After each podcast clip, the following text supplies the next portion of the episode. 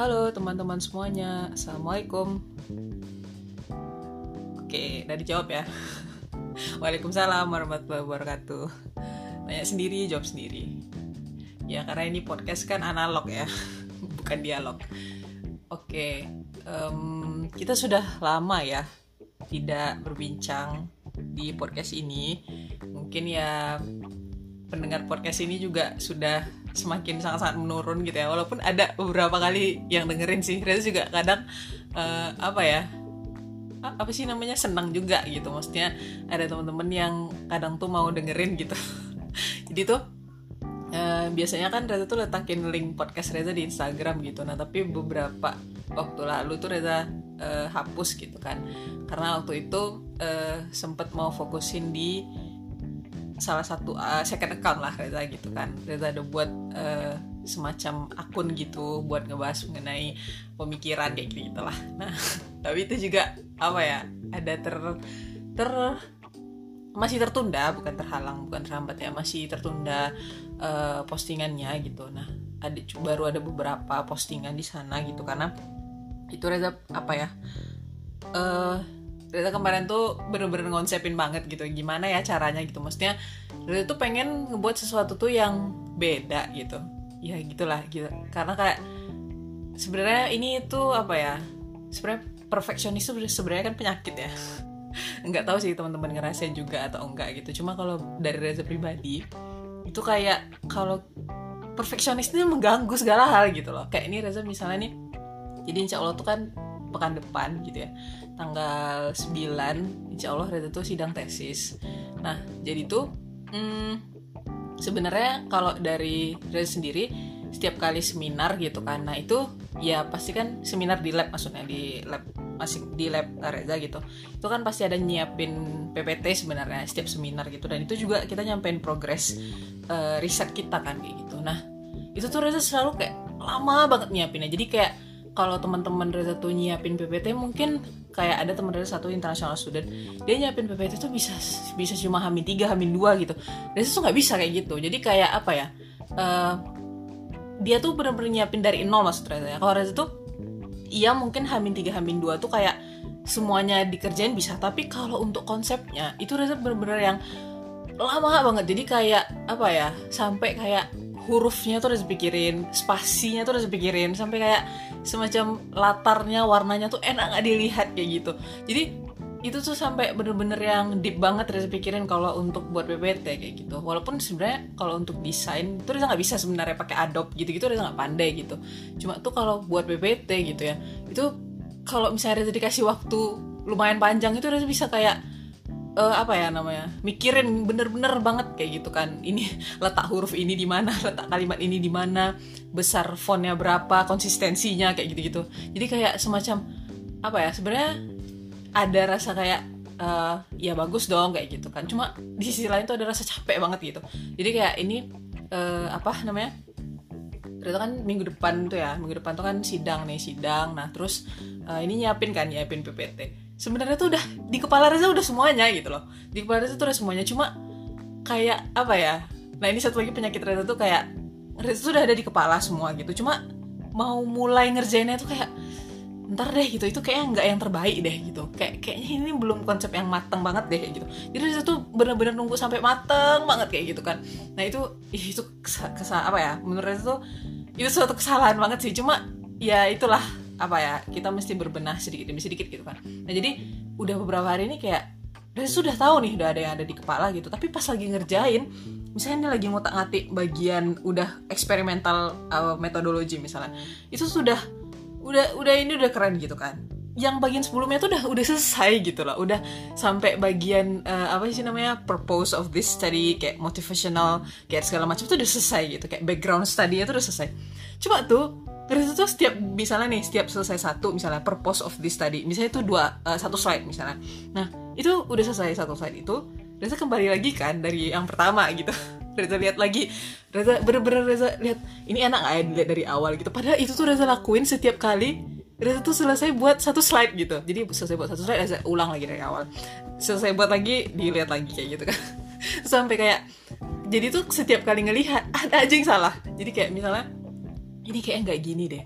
Ini kayaknya tuh strukturnya ini ininya harus ini duluan. Setelah itu baru ini setelah itu baru ini. Jadi kayak Allah Akbar gitu kan. Kayak diganti-ganti gitu. Bah jadi tuh apa ya namanya Reza tuh uh, udah di kepala Reza nih sebenarnya satu satu hari selesai gitu. Sebenarnya satu hari selesai. Cuma Reza nggak bisa terima kayak uh, ini tuh ini nggak bisa nih kayak gini ini nggak bisa ini tuh harus kayak gini ini harus kayak gini gitu. Dan ketika kita lagi ngerjain ini kan ini konsep di kepala kita nih. Tapi ketika teknis nih kita jalanin itu kan kayak misalnya kita buka powerpoint lah pilihan warna aja contohnya tone warna aja itu kan bisa banyak banget kan itu harus milihnya itu bisa setengah jam loh. Cocok nggak ya? Cocok nggak ya? Kayak gitu. Itu cuma ngubah-ngubah warna doang. Sama ngubah shade ngubah apa segala macam. Ya Allah Robby itu kayak sampai Reza sampai kayak mikir ya Allah perlu segininya banget ya gitu.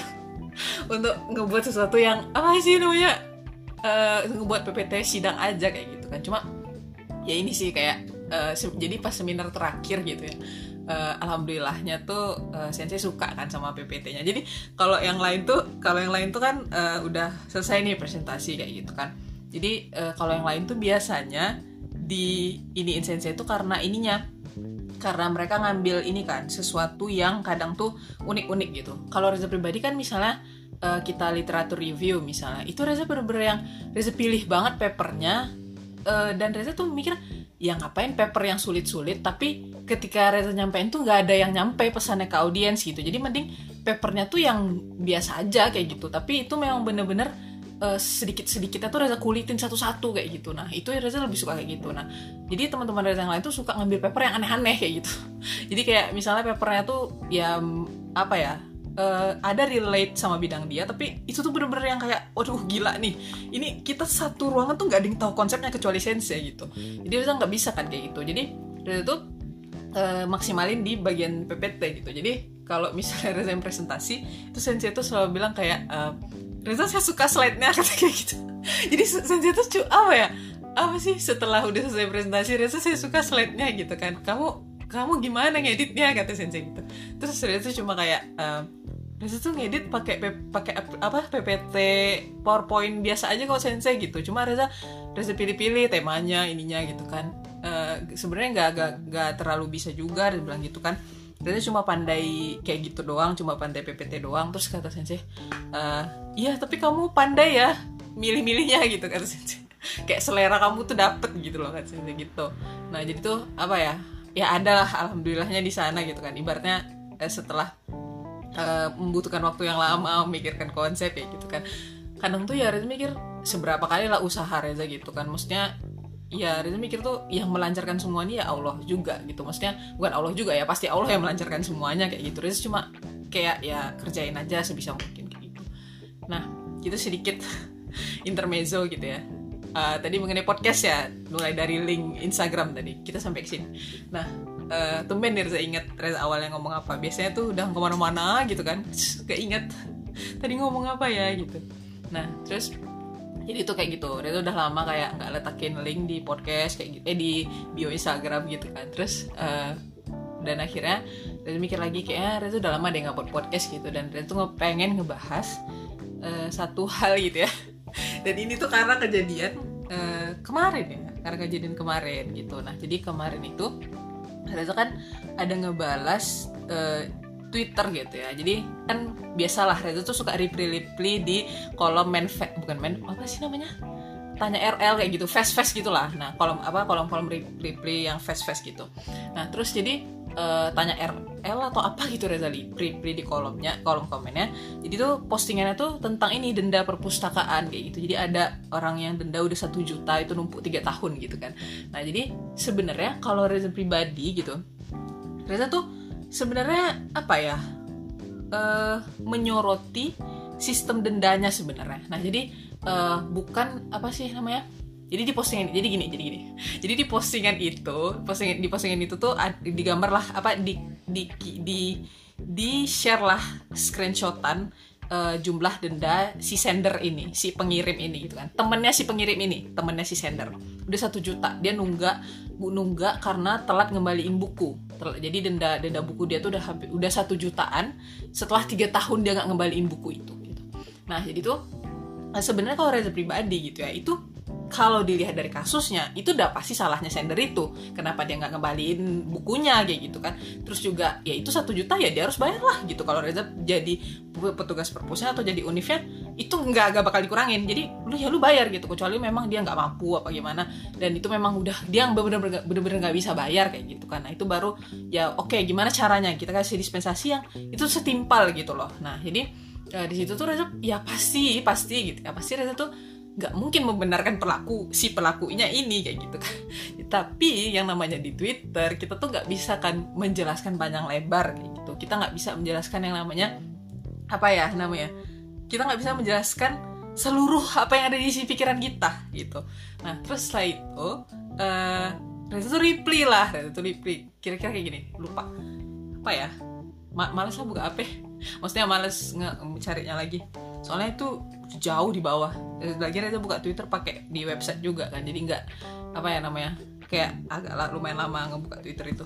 Nah jadi tuh itu kira-kira kayak gini. Bilangnya uh, Rita tuh menyoroti ini ya menyoroti sistem dendanya sebenarnya. Dia bilang kayak gini uh, dari dulu tuh gak pernah suka sama sistem denda pakai uang. Dia bilang kayak gitu. Ya sih memang itu tuh supaya ngebuat orang jerah kayak gitu. Cuma kan ada opsi lain untuk ngebuat orang jerah. Nggak harus pakai uang nanti bilang kayak gitu kan. Kan bisa aja pakai misalnya nggak bisa minjam buku berapa hari kayak gitu kan. Nah soalnya terus habis itu bahas karena permasalahannya kita nggak tahu uangnya itu dikemanain kayak gitu. Dipakai buat apa? Bilang kayak gitu kan. Nah itu tuh dalam pikiran Reza. Reza tuh di situ oke okay, kalau misalnya ada orang yang menganggap itu tuh suuzon ya gitu. Uangnya itu dipakai buat apa dan segala macam gitu. Uh, apa namanya?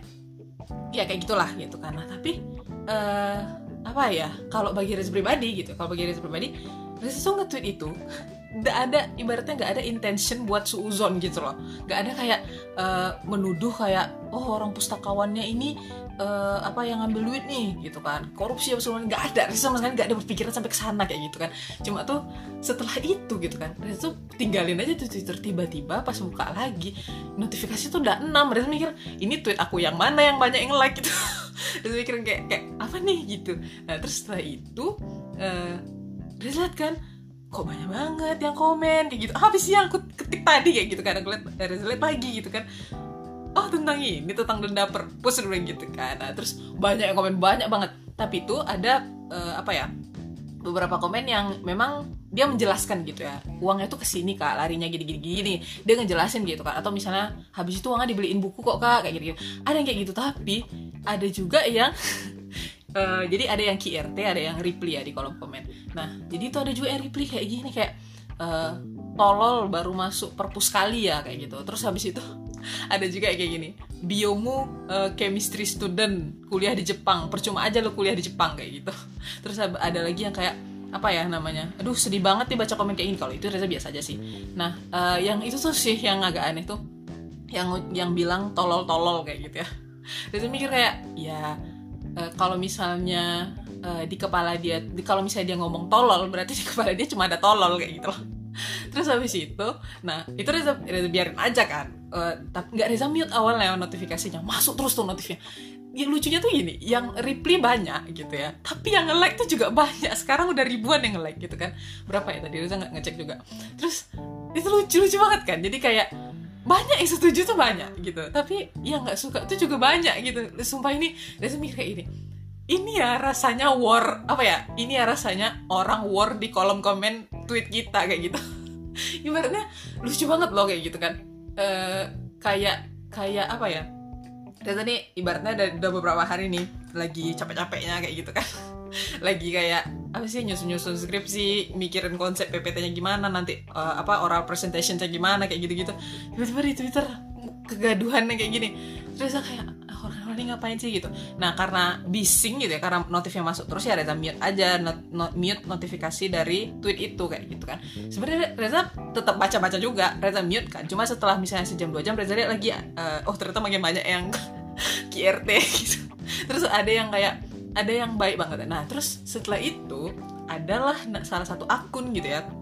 Oh ya jadi tuh kayak gini. Jadi setelah udah rame itu kan nah tuh Reza uh, nge Reza nge-tweet gitu kan Reza nge-tweet kayak gini uh, ini tweet di akun sendiri gitu kan tweet di akun sendiri uh, ya Allah buka Twitter tiba-tiba udah rame kayak gitu kan. Terus ada yang ngatain tolol lah ada yang percuma kuliah di Jepang lah kayak gitu-gitu kan. Terus uh, Reza bilang tuh kayak apa sih uh, kenapa sih manusia-manusia ini kayak gitu. Terus Reza tambah lagi di bawahnya gitu kan Reza buat uh, tapi lumayan ini sih lumayan ada juga yang uh, nge-share mengenai dananya dialirkan ke mana dana apa uang denda tuh dialirkan ke mana tuh banyak juga yang nge-share. Jadi nambah informasi juga dia bilang kayak gitu. Karena kan Reza mikir ya selama ini ya Reza nggak tahu gitu loh uang tuh dikemanain gitu kan. Nah itu kan cuma opini Reza doang gitu loh. Kayak kenapa sih orang-orang ini ngamuk gitu semua itu lucu banget. Nah terus uh, saya itu Reza buat aja apa ya ya Reza buat kayak uh, yang disayangkan itu ini sih orang-orang yang nyerang-nyerang pribadi kayak gitu kan. Karena itu coba teman-teman mikir kayak gini kita lagi diskusi bukan lagi diskusi ya oke lah kita lagi nyampaikan opini kita nih gitu kan di kolom komentar.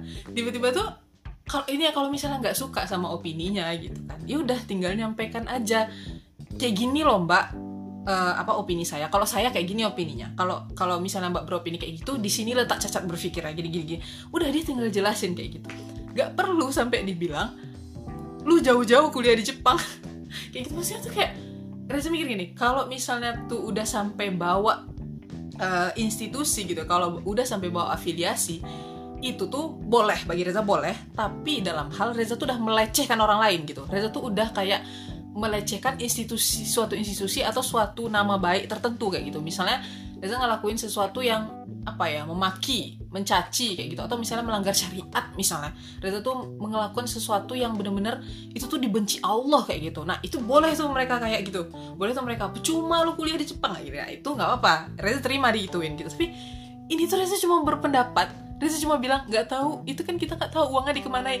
Reza cuma berpendapat kayak itu gitu kan. Karena karena yang selama ini Reza rasain Reza nggak tahu uangnya itu dikemanain. Dan juga gitu ya kenapa Reza tuh bilang kayak uh, kita tuh apa ya namanya berhentilah pakai denda-denda uang kayak gini kayak gitu. Karena apa ya namanya bagi Reza tuh nggak segala sesuatu tuh bisa selesai dengan uang gitu ya. Mental bangsa kita tuh udah rusak banget gara-gara uang kayak gitu. Gitu Reza tuh sebenarnya pengen nyampein itu sih. Cuma kan nggak mungkin kan semuanya disampaikan di Twitter. Dan nanti intentionnya beda-beda lagi. Beda-beda orang bacanya beda isi kepala yang baca beda lagi penerjemahannya kayak gitu kan. Nah karena yang Reza alamin nih misalnya ini di Jepang Reza alamin kan di Jepang Reza alamin itu uh, memang nggak ada denda gitu. Yang jadi apa namanya cuma kayak gini oke okay, apa namanya nggak kamu nggak bisa minjam buku ya beberapa beberapa hari sesuai keterlambatan kamu. Misalnya kamu terlambat satu minggu satu minggu ke depannya kamu nggak bisa minjam setelah misalnya nih Reza telat ngembalin satu minggu Reza kembaliin bukunya. Seminggu ke depan nggak boleh belum apa ya belum boleh minjam ya. Dan itu petugasnya juga kayak uh, baik gitu nyampeinnya. Mohon maaf ya satu minggu ke depan belum bisa minjam karena kamu telat uh, ini ngembalin buku. Oke okay, gitu.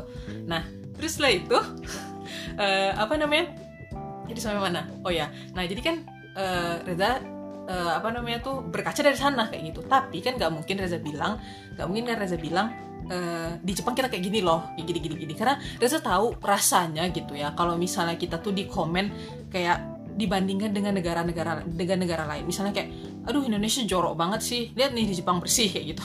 Nah itu Reza tuh nggak bisa kayak gitu karena bagi Reza nggak segala hal tuh bisa digeneralisir kayak gitu kan. Dan nggak segala case tuh bisa kita samain kayak gitu. Nah itu menurut Reza. Nanti ada pula yang komen kayak iya deh yang paling Jepang. Iya deh yang kuliahnya di luar negeri yang yang udah nggak ngerti lagi permasalahan bangsa sendiri kayak gitu, gitu. justru kan Reza tuh paham sama permasalahan bangsa sendiri gitu ya. Cuma karena Reza tuh nggak bisa menyampaikan seluruhnya di, di Twitter dan di kolom komen itu gitu. Akhirnya ya udah gitu kan pada diserang kayak gitu. Sampai sekarang masih ada tuh yang nyerang. Terus terus bingung juga ah, ini orang-orang ini nggak capek apa gitu. Maksudnya uh, apa ya kadang tuh ya kadang tuh uh, ketika apa sih ada banyak komen kayak gitu ya. Maksudnya semakin banyak komen itu sebenarnya bukan karena kadang-kadang bukan karena mereka pengen menyerang secara apa ya dari diri mereka pribadi enggak. Tapi karena udah banyak ngeliat komen-komen yang lain jadi mereka tuh pengen ikutan nyerang juga kayak gitu. Itu tuh bisa ngerasain feel feel kayak gitu. Nah jadi uh, ya udahlah kayak gitu kan. Sampai sekarang tuh ya makin banyak tapi ya udahlah biarin aja gitu.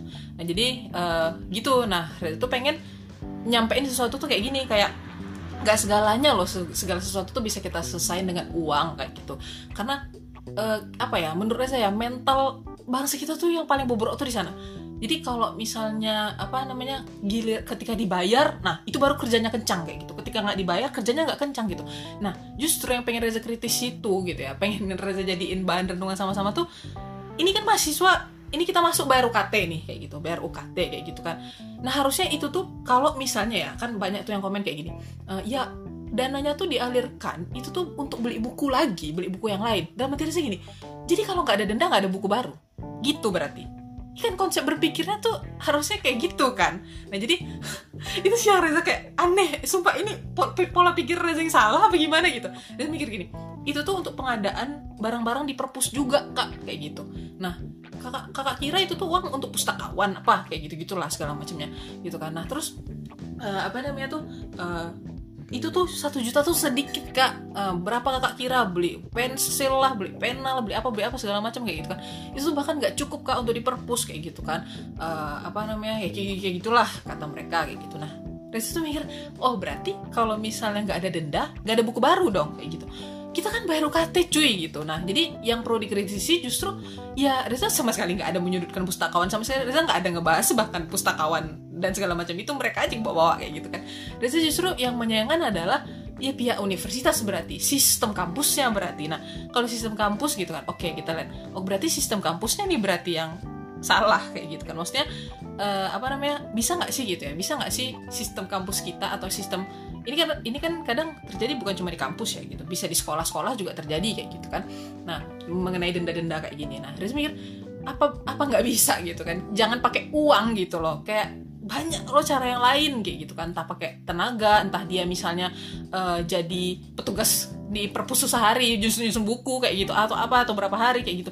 Jadi nggak perlu yang namanya tuh uh, pakai efek jerah tuh dengan uang kayak gitu. Nah terus apa ya namanya uh, ya kayak gitu. Dari pandangan Reza tuh kayak gitu. Nah berarti kalau misalnya oke. Okay, kalau misalnya sistem kampusnya yang salah kita lihat uh, apakah di negeri kita semua kampus kayak gitu atau cuma satu kampus-kampus tertentu aja kayak gitu. Nah dari komen-komen yang Reza baca gitu kan dan uh, dari pengamatan Reza selama ini gitu kan itu hampir rata-rata di semua kampus kayak gitu gitu ya. Banyak yang menerapkan sistem denda tuh pakai uang kayak gitu. Nah uh, dan situ rasa kayak oh berarti yang salah bukan kampusnya gitu ya. Di salah tuh berarti sistem negara berarti yang salah kayak gitu kan. Maksudnya kalau kita tarik jauh ya gitu kan berarti negara yang salah gitu. Jadi apa apa tuh didenda apa apa tuh pakai uang apa apa segala macam. Jadi kita tuh kalau misalnya nggak dihukum pakai uang gitu ya ya udah uh, apa sih namanya kita nggak bakal jerah kayak gitu. Nah yang padahal kayak gitu ya uang ini juga bisa dimain-mainin. Ujung-ujungnya banyak sangkut pautnya ke korupsi apa segala macam. Nah Riz tuh kan mau nyampein kerangka besar tapi kan nggak mungkin di sana kayak gitu. Dan akhirnya ya dibully kayak gitu. Nah tapi ada yang unik yang Reza mau ngomongin dari tadi jadi tuh Reza kan Reza nge-tweet tadi tuh Reza nge-tweet di akun Reza sendiri aja buat kan aduh buka Twitter udah rame nih kayak gitu-gitu. Tapi makasih uh, Reza uh, makasih juga karena banyak yang infoin gini-gini. Nah terus tiba-tiba ada yang komen di postingan Reza yang itu. Nah mungkin dia ngunjungi profil Reza kan ngunjungi profil Twitter. Dia komen kayak gini uh, mungkin lain kali bisa pakai apa ya bisa pakai kata-kata ini opini aku ya kayak gitu. Nah terus Reza cek lah ini. Dia ternyata QRT tweet Reza gitu kan. Dia QRT Twitter dia QRT uh, eh, replyan Reza tadi di kolom base tadi. Terus dia tuh uh, reply kayak gini uh, mau ikut bersuara kayak gini, gini dan nah jadi dia tuh uh, apa QRT dengan kayak gini apa ya namanya dia lebih menyoroti justru ke sendernya kayak gitu. Dia mau ikut bersuara kayak uh, apa itu dari dua sisi kata dia kayak gitu kan. Yang pertama apakah si perpus ini udah berusaha ngingatin untuk keterlambatan bukunya atau belum kayak gitu kan. Atau ya main narik denda aja kayak gitu. Nah atau dan juga gitu ya yang kedua dari pihak si sendernya gitu ya. Kalau memang e, harus bayar ya bayar kayak gitu. Kecuali memang udah nggak sanggup nah itu bisa diganti dengan yang lain atau di diskon atau di apalah kayak gitu kan. Dan saya agak lupa yang kedua.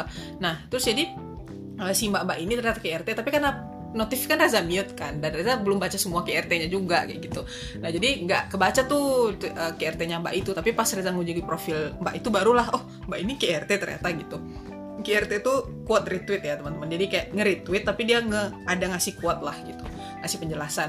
Nah terus saya itu mbaknya tuh komen kan di profil Reza nah username-nya mbak itu username mbak itu jadi mbak ini bukan akun alter ya bukan akun alter bukan akun uh, apa-apa bukan akun wibu bukan akun palsu gitu ya. memang akun orang gitu. Nah jadi namanya tuh mbak Elsa gitu ya. Tapi mbak Elsa nggak mungkin dengerin ya. Karena karena juga uh, ini kan ke Instagram mbak Elsa nah jadi uh, mbak Elsa nah itu kan apa ya username dia. Nah nama dia itu Mbak Pustakawan. Itu Reza kayak hah eh ini nih langsung di komen sama orang pustakawan nih kayak gitu. Terus buka profilnya bionya tuh librarian kayak gitu. Jadi bener-bener kayak dia tuh memang mbak-mbak pustakawan kayak gitu loh. Dan itu kayak waduh uh, apa kamu gak dia? gitu. Nah terus habis itu uh, Reza balas lah replyan dia. Reza bilang kayak gini uh, iya mbak thank you. Reza bilang kayak gitu kan. Mohon maaf kalau misalnya kalau misalnya uh, komen apa komen Reza dianggap ofensif gitu kan. Justru karena Reza tuh sering ke perpus dan Reza tuh pure Reza tuh cinta perpus gitu loh. Makanya Reza komen bilang kayak gitu. Nah terus habis itu mbaknya bilang e, nggak apa-apa tenang aja tenang aja kata mbak kayak gitu kan.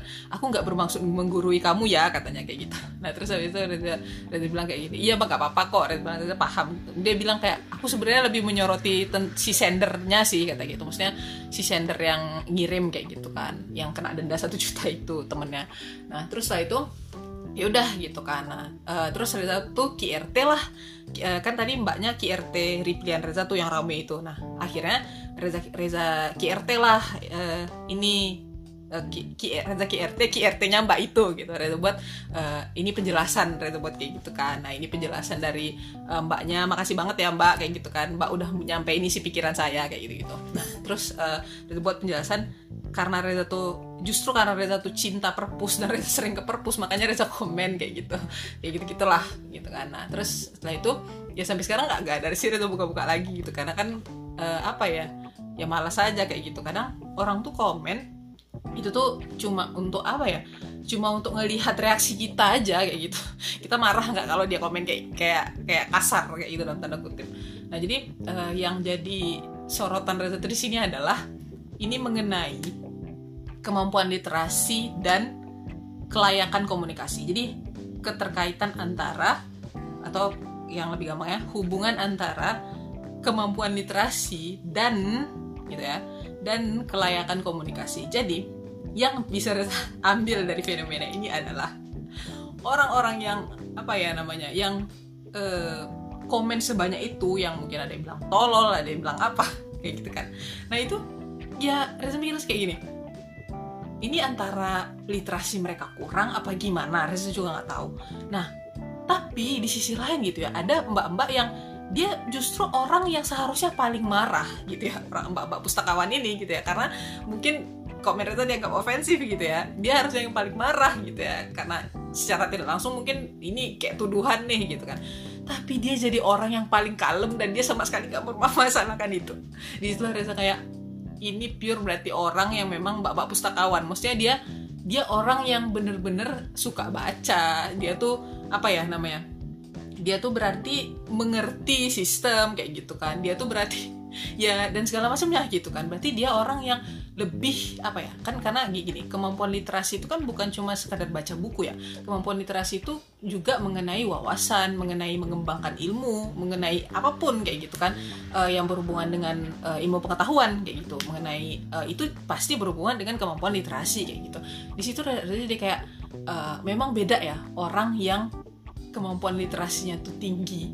Itu cara dia berkomunikasi tuh beda banget sama orang yang kemampuan literasinya tuh kacau gitu. Kemampuan dia bahkan minus kemampuan literasinya kayak gitu kan. Mungkin baca buku atau misalnya ke perpus aja mereka nggak pernah kayak gitu.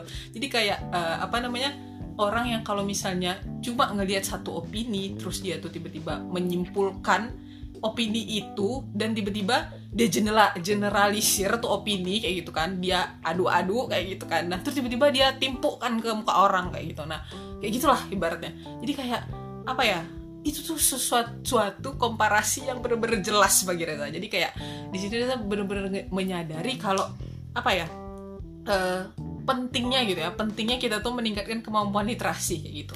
Nah tapi mungkin di sini Reza pengen apa sih uh, itu kan tadi ini ya Reza cuma pengen ngasih ini sih uh, biar apa ya teman-teman ke trigger sih sebenarnya Reza cerita yang tadi gitu.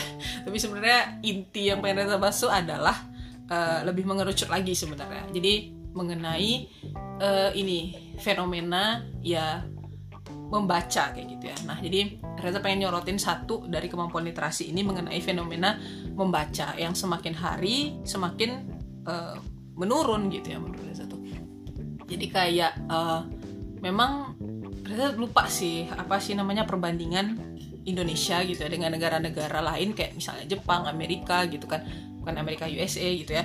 Uh, uh, mengenai gitu ya Cina gitu ya mengenai tingkat atau kemampuan literasi gitu. Intinya tuh kalau nggak salah Indonesia tuh 0,1 persen apa gitu. Jadi pokoknya dari dari dari 10 orang dari 10 orang itu tuh hanya satu orang yang suka baca kayak gitu. Atau misalnya dari 10 buku kita tuh bisa cuma nyelesain satu buku kayak gitulah. Intinya tuh rendah banget kemampuan literasi kita. Dan itu juga udah tahun berapa gitu kan. Tahun sekarang nggak tahu kayak gitu kan. Apalagi masalahnya gitu ya uh, sosial media ini berkembangnya itu semakin cepat kayak gitu.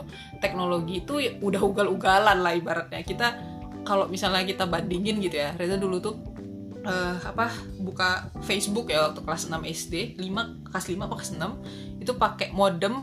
Modem ingat gak teman-teman kalau ada yang tahu modem berarti kita berarti kita satu angkatan. Nah modem itu pakai uh, dulu tahu komsel kalau nggak XL gitu ya. Kalau nggak uh, apa sih yang awal-awal dulu? Yang paling apa ya?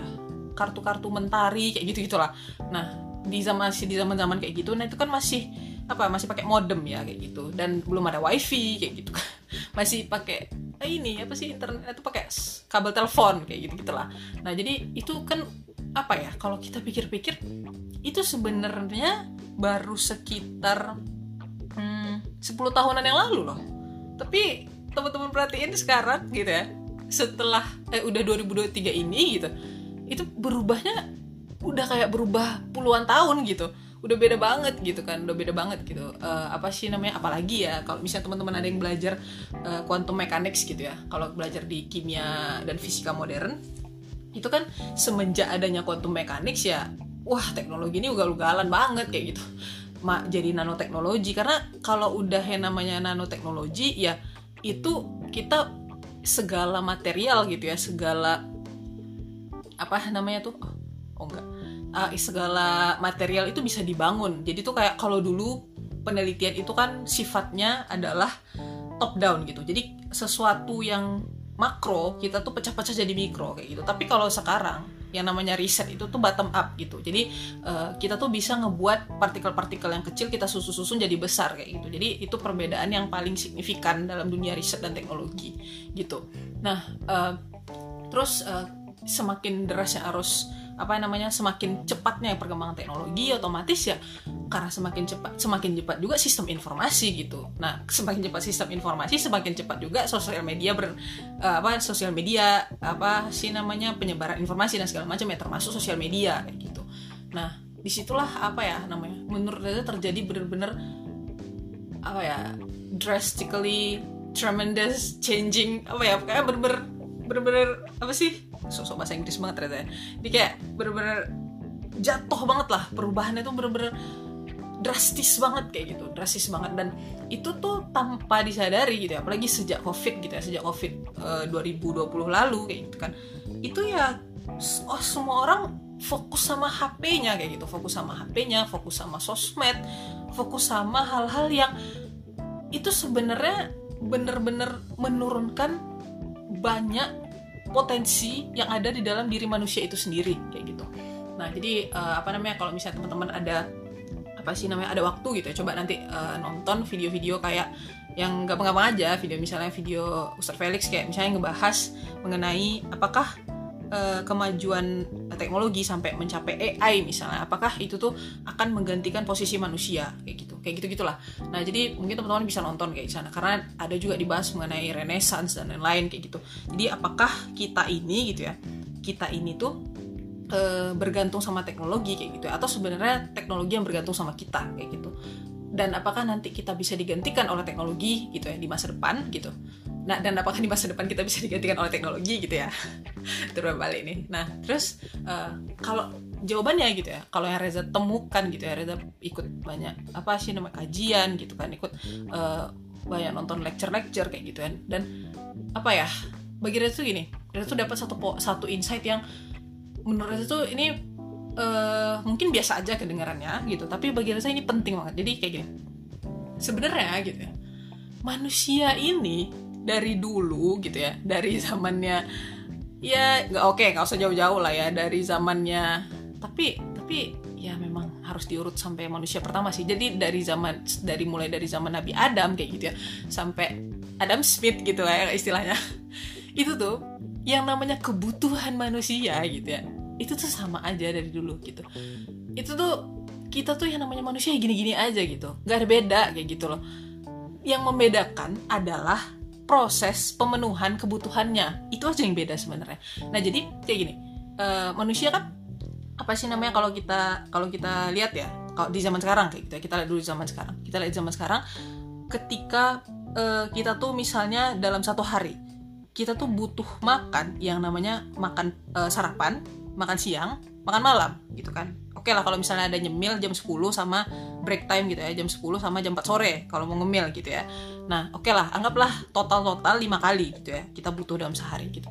Nah uh, tapi gitu ya apakah orang orang-orang gitu ya apakah orang-orang yang katanya dalam tanda kutip uh, mencari uang apakah dia tuh berpikir kayak oh ya aku butuhnya aku butuhnya makan kan cuma lima kali sehari ya.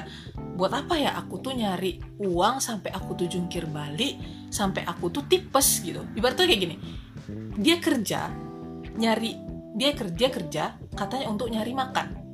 Tapi dia nyari kerja sampai lupa makan. Jadi sebenarnya apa yang dicari? Kayak gitu kan. Jadi kalau dipikir-pikir aneh gitu ya. Nah jadi kebutuhan dasarnya tuh aja dia nggak terpenuhi. Gara-gara dia melakukan sesuatu yang itu tuh sebenarnya nggak kebutuhan dia kayak gitu. Jadi apa sebenarnya itu? Jadi sebenarnya adalah itu cuma keinginan dia mungkin gitu ya. Nah uh, ya apalagi kalau misalnya kita lihat ya di zaman kapitalis kayak gini gitu ya zaman kapitalis kayak gini uh, itu ya apa sih namanya nggak bisa dibedain ya maksudnya kayak kalau misalnya berdasarkan apa sih teori kapitalis itu kan emang kebutuhan sama keinginan itu kan nggak ada bedanya gitu. Jadi sebagaimana kalau bahasa ada tuh bahasa yang paling uh, apa sih bebasnya kayak sebagaimana uh, makan, minum, tidur itu tuh adalah kebutuhan kayak gitu ya. Jadi uh, yang lain-lain kayak semacam hasrat seksual, kayak semacam hasrat ingin uh, menguasai dunia atau misalnya hasrat ingin jadi miliarder atau hasrat apa pun itu tuh sama kayak kebutuhan makan dan minum kayak gitu. Dan tidur. Jadi gak jadi nggak ada bedanya gitu kan jadi itu kebutuhan dan keinginan itu sesuatu yang combine gitu. Overlap aja semuanya kayak gitu kan. Nah itu kan sesuatu yang bahaya banget ya kayak gitu di dunia yang sekarang ini gitu kan. Nah jadi tuh uh, ya gitu dunia itu apa sih manusia ini sebenarnya dari dulu kebutuhannya itu itu aja sebenarnya itu itu aja. Nah tapi keinginannya itu yang terus apa ya namanya terus bertambah terus bertambah terus bertambah.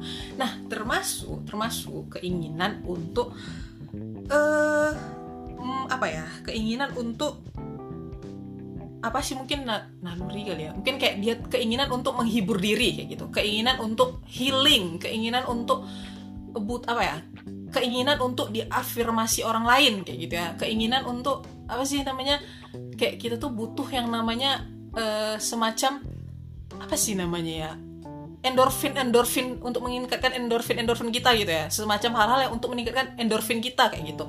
Nah jadi kayak manusia ini butuh kayak gitu. Apa manusia ini pengen gitu ya pengen terus naik terus naik terus naik gitu kan. Padahal sebenarnya dia nggak butuh itu. Kayak misalnya ini contoh uh, ntar minum dulu. Haus kayak misalnya uh, contohnya tuh kayak gini. Dia itu dalam sehari gitu ya dia tuh sebenarnya nggak butuh banget yang namanya scrolling scrolling Instagram. Misal kayak gitu ya. Ini ini Reza nggak nuduh siapa-siapa ya Reza juga kayak gitu soalnya. Tapi gitu ya dia tuh dalam dalam dalih dengan dalih kayak aku mau ini dulu lah santai-santai dulu lah self reward dulu lah kayak gitu. Nah self reward dulu akhirnya scrolling Instagram sampai 2 jam sampai 3 jam. Pokoknya kayak kayak apa ya? Sampai aktivitas-aktivitas yang harusnya itu jadi prioritas kita itu menjadi aktivitas yang bener-bener terlalaikan kayak gitu. Itu kita udah bisa sampai lupa gitu kita tadi mau ngapain kayak gitu kan.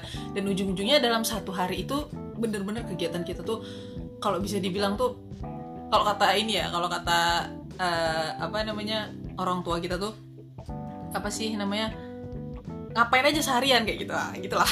Kalau teman-teman pernah digituin orang tua ngapain aja seharian? Gitu kan. Gak ada gak, ini baju belum dicuci ini segala macam kayak gitu. Nah jadi bener-bener kita tuh terlenakan dengan hal, -hal kayak gitu. Dan uh, hiburan itu sekarang ya apa ya namanya kan beda banget ya. Maksudnya kalau dulu oke okay lah kita main sosmed uh, oke okay main kayak gitu. Karena Reza dulu juga dari dulu juga main Twitter. Dari 2012 Reza main Twitter juga kayak gitu. Kan dari 2010 Reza main Facebook kayak gitu. Nah tapi tuh gak ada loh Reza tuh yang kayak sekarang gitu. Nggak ada yang Reza tuh kayak kayak sedikit sedikit tuh kayak uh, ah buka apa lah pengen ini pengen lihat Instagram apa segala macam kayak gitu kan iya kita tuh buka Instagram. Tapi setelah itu kita buka Twitter setelah itu buka WhatsApp setelah itu buka YouTube setelah itu buka yang lain kayak gitu kan. Nah jadi itu tuh nggak berhenti berhenti gitu. Dan kita menamakan itu atas dalih hiburan gitu. Atas dalih kita tuh pengen yang namanya self reward karena nggak ada yang ngerti aku gitu ya. Jadi yang ngerti aku tuh cuma sosmed kayak gitu. Nah itu berlebihan ya. Itu cuma ngarang-ngarang tuh cerita Reza doang. Nah terus juga kita butuh gitu ya selanjutnya. Ya bukan kita butuh kita tuh pengen yang namanya tuh diafirmasi gitu. Kita butuh yang namanya afirmasi. Maksudnya kita tuh butuh semakin ke sini kita tuh asupan kebutuhan kita akan pengakuan orang lain gitu ya. Itu tuh semakin tinggi banget gitu. Jadi kayak uh, kita tuh kalau yang Reza bandingin dulu ya Reza tuh pernah uh, punya teman dulu. Teman deket lah gitu kan. Iya teman deket. Biasa lah waktu SMP gitu kan. Jadi dia tuh ngepost kayak gini uh, kok rasanya gitu ya dia ngepost waktu waktu ini 2000 2018 apa 2017 atau 2018 saya lupa. Dia tuh dia bilang kayak itu udah udah mulai naik tuh sosmed udah mulai naik. Nah dia bilang uh, kayak gini aku dulu kata dia ngelihat Instagram seseorang atau ngelihat Twitter seseorang itu aku nggak menemukan yang namanya kayak nada-nada keangkuhan atau nada-nada kayak pamer gitu ya dalam tanda kutip. Aku tuh cuma nemuin kayak apa ya namanya aku ngelihat postingan dia aku ngerasa oh dia temenku gitu. Itu itu itu inti posting inti kalimat dia kayak gitu. Jadi kayak uh, aku ngeliat postingan dia aku ngerasa oh yaudah dia temenku dan oh dia hari ini lagi kayak gini dia hari ini lagi ikut acara apa kayak gitu gitu udah sebatas itu doang. Maksudnya tuh kayak uh, bener-bener itu tuh ya social life-nya kayak gitu gitu. Tapi semakin ke sini gitu ya yang aku lihat tuh bukan lagi temenku gitu. Aku ketika ngelihat sosmed seseorang yang aku lihat tuh orang lain gitu kayak gitu aku nggak tahu temenku ada di mana ketika aku ngeliat ketika apa temen apakah ini temenku atau bukan ketika aku ngeliat sosmed dia kayak gitu. Nah dia bilang kayak gitu. Dan itu kayak itu sampai sekarang ya kata-kata tuh membekas di kepala Reza kayak iya juga ya gitu. Kayak apa sih yang kita harapin dari orang lain? Kayak gitu. Maksudnya kenapa sih kita tuh butuh banget yang namanya diakui oleh orang lain kayak gitu kan? Kenapa kita tuh sedikit demi sedikit itu harus post kita berharap postingan kita tuh di like sama orang lain? Kan apa ya namanya? Kalau di Vire nggak apa ya? Kalau Reza mikir kayak gini uh, like di like atau nggak di like itu kan itu ya terserah orangnya dong kayak gitu. Dan itu juga nggak tanggung jawab kita kan kayak gitu. Tapi karena memang semua media memframing kayak gitu apalagi ada tokoh-tokoh yang uh, apa ah, bukan tokoh-tokoh ada orang-orang yang dijadikan seleb untuk hal-hal kayak gitu. Orang-orang yang dijadikan dalam tanda kutip influencer untuk hal-hal kayak gitu gitu kan. Jadinya ya ketika kita tuh buka sosmed gitu kan itu yang kita lihat ya kita pengennya kok aku nggak like aku nggak sebanyak dia ya? Kayak gitu. Nah kayak gitu gitu jadi yang pertama tadi ini ya uh, hiburan terus yang kedua kita butuh pengakuan kayak gitu. Nah mungkin kalau teman-teman ada kepikiran yang lain ya sih silahkan ditambahin kayak gitu. Nah tapi ya itu sih yang Reza lihat uh, apa semakin di sini tuh keinginan kita tuh akan uh, sosmed gitu ya. Itu tuh kehausan kita akan sosmed itu udah udah gila gitu menurut Reza. Dan ini gitu ya dan ini ini tuh sangat-sangat menurunkan ya tadi uh, apa sih namanya kalau kita balik ke ini ya ke pembahasan awal yang mau Reza bahas tuh ini sangat-sangat menurunkan daya fokus kita. Nah di situ di sini menurut Reza titik kritisnya. Teman-teman bayangin gitu ya. Nah kenapa Reza bahas menurunkan daya fokus? Karena yang namanya kalau kita mau baca buku itu tuh kita butuh fokus. Kalau kita nggak fokus gitu ya sama kayak kita dengerin kuliah gitu kan. Kalau misalnya kita nggak fokus itu kita nggak dapet alur ceritanya. Kita nggak dapet kerangka berpikirnya itu kita nggak dapet. Jadi kalau misalnya kita baca buku tapi pikiran kita tuh masih ke mana-mana gitu ya dan kita nggak bisa fokus dan dan apa sih bener-bener merasakan kalau kita tuh lagi ini lagi berhadapan nih sama satu buku kayak gitu kan. Nah itu itu tuh bakal ini tuh bakal kayak gak ada gunanya gitu kita baca. Ya mungkin gunanya ada tapi dikit banget lah kayak gitu. Nah jadi tuh ketika kita udah semakin kayak gini ya berdasarkan yang Reza yang Reza jelasin tadi gitu ya ke, apa keinginan kita yang udah kayak kebutuhan gitu ya akan sosmed ini gitu ya yang semakin mengerikan ini gitu. Nah itu benar-benar menurunkan daya fokus kita. Bener-bener parah sih kayak gitu. Kalau apa uh, attention attention speed ya namanya Reza lupa namanya apa nah jadi kalau teman-teman uh, lihat gitu ya di reels itu reels itu kan maksimal 60 detik ya 60 detik, eh 90 detik kalau story 60 detik. Nah, tapi mungkin kalau akun-akun yang centang biru itu bisa lebih dari 90 detik reelsnya.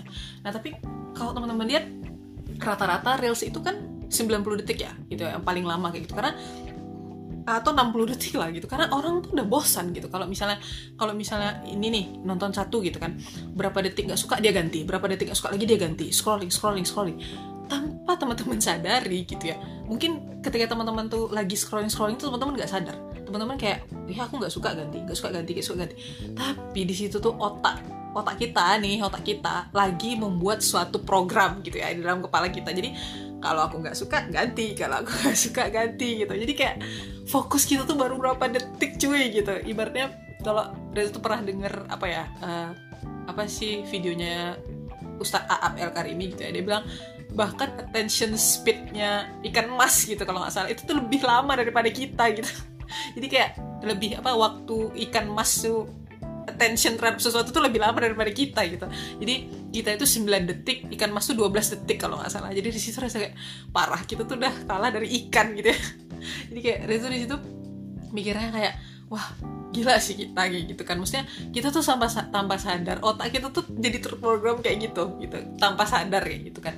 Dan itu bener-bener kan kita nggak mungkin ya kalau misalnya kita baca nggak suka nih aku ganti babnya. Nggak suka nih aku ganti babnya. Itu mah nggak baca buku namanya itu nggak selesai gitu ya. Ibaratnya tuh kayak Reza tuh kayak jadinya mikir gini uh, pernah suatu waktu Reza tuh ya Reza butuh nonton lecture lah waktu itu kan.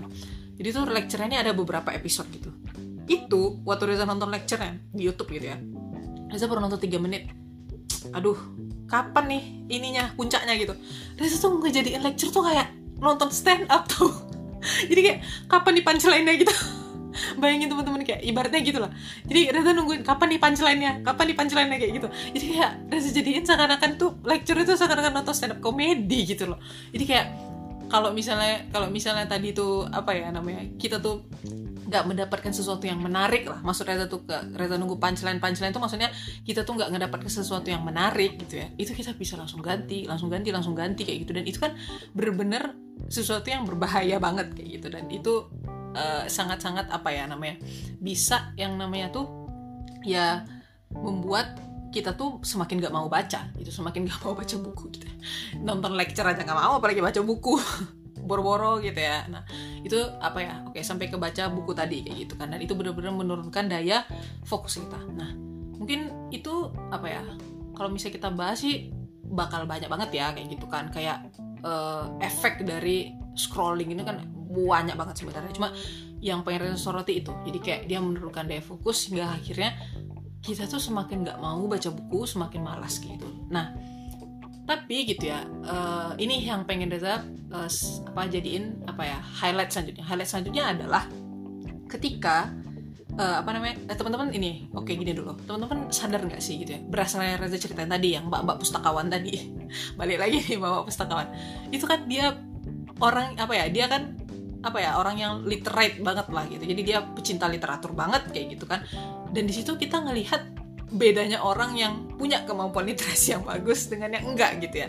Terhadap berkomunikasi di sosial media gitu. Berkomunikasi di mana pun lah tapi khususnya di sini sosial media kayak gitu kan. Kita lihat kayak beda banget kayak gitu kan. Ya Reza lihat sih bukan kita. Karena kan teman-teman nggak buka Twitter Reza. Kecuali teman-teman mau nyari ya nggak apa sih. Nggak penting juga. Nah di situ Reza kayak uh, berarti kan kita lihat di sini kemampuan literasi itu sangat-sangat mempengaruhi kelayakan komunikasi. Kelayakan komunikasi itu maksudnya gimana? Jadi kayak ketika kita berkomunikasi sama orang lain gitu ya itu tuh ada loh cara-caranya. Ada loh kalau bahasa kita tuh kalau bahasa seorang muslim tuh ada lo adabnya kita tuh berkomunikasi sama orang lain gitu. Jadi nggak sembarang sembarangan aja. Kayak misalnya mau ngechat orang itu tuh ucapin dulu assalamualaikum gitu atau ucapin selamat pagi pak gitu kan segala macam. Nah itu kan apa ya namanya itu kan cara ibaratnya cara-cara berkomunikasi gitu. Dan sebenarnya komunikasi itu kan nggak cuma satu jenis itu doang ya. Maksudnya banyak banget kan kalau pembahasan komunikasi. Bahkan ada itu di fakultas fisik itu kan ada tuh jurusan ilmu komunikasi. Nah itu kan bisa banyak banget pembahasannya. Nanti sampai bisa ke broadcasting lah ke mana lah kayak gitu. Nah tapi tuh yang pengen Reza soroti di sini adalah bagian kelayakan komunikasinya aja kayak gitu. Nah kelayakan komunikasi di sosial media tadi kayak gitu. Jadi dengan apa ya dengan kemampuan literasi yang baik gitu ya. Ini ini mungkin nggak tahu ya ini mungkin subjektif ya yang Reza rasain. Ketika kita tuh baca buku gitu ya nah itu kan meningkatkan kemampuan literasi kita. Nah tapi tuh ketika tuh apa kita baca buku tuh teman-teman ngerasa nggak sih kayak gini? Uh, kita kan baca itu kan kita membaca sesuatu itu dengan terstruktur ya kalau kita baca buku. Ini ada paragraf awal, terus habis itu dia mungkin ya mungkin prolog dulu lah gitu, terus terus pengantar prolog, eh pengantar prolog, pengantar inti, terus habis itu inti, terus puncak apa segala macam sampai penutup kayak gitu. Nah kalau buku kan kita kayak gitu gitu kan kita baca buku terstruktur dan sistematis kayak gitu. Nah ternyata gitu ini tuh sangat-sangat berefek sama cara komunikasi kita tadi, kelayakan komunikasi tadi gitu ya. Ketika kita tuh terbiasa gitu ya membaca buku gitu kan, kita tuh membias biasa memasukkan kata-kata atau kalimat-kalimat yang terstruktur dan biasanya kalau baca buku kan buku tuh kan bahasanya ya bukan bahasa-bahasa yang kasar ya, tapi bahasa-bahasa yang justru bener-bener sastra kayak gitu kalau buku tuh. Jadi kayak bener-bener apa ya? Kan kita kalau baca buku kan kita nggak nemuin kata-kata yang aneh-aneh kan kecuali ya buku yang aneh-aneh kali ya. Nah tapi ketika kita baca buku kan itu kata-kata yang baik dan benar insya Allah ya ketika kita baca buku gitu. Dan itu sangat-sangat berefek kepada ketika kita berkomunikasi nih di ketikan utamanya gitu. Uh, ya terutama di ketikan nih kalau di sosial media gitu kan.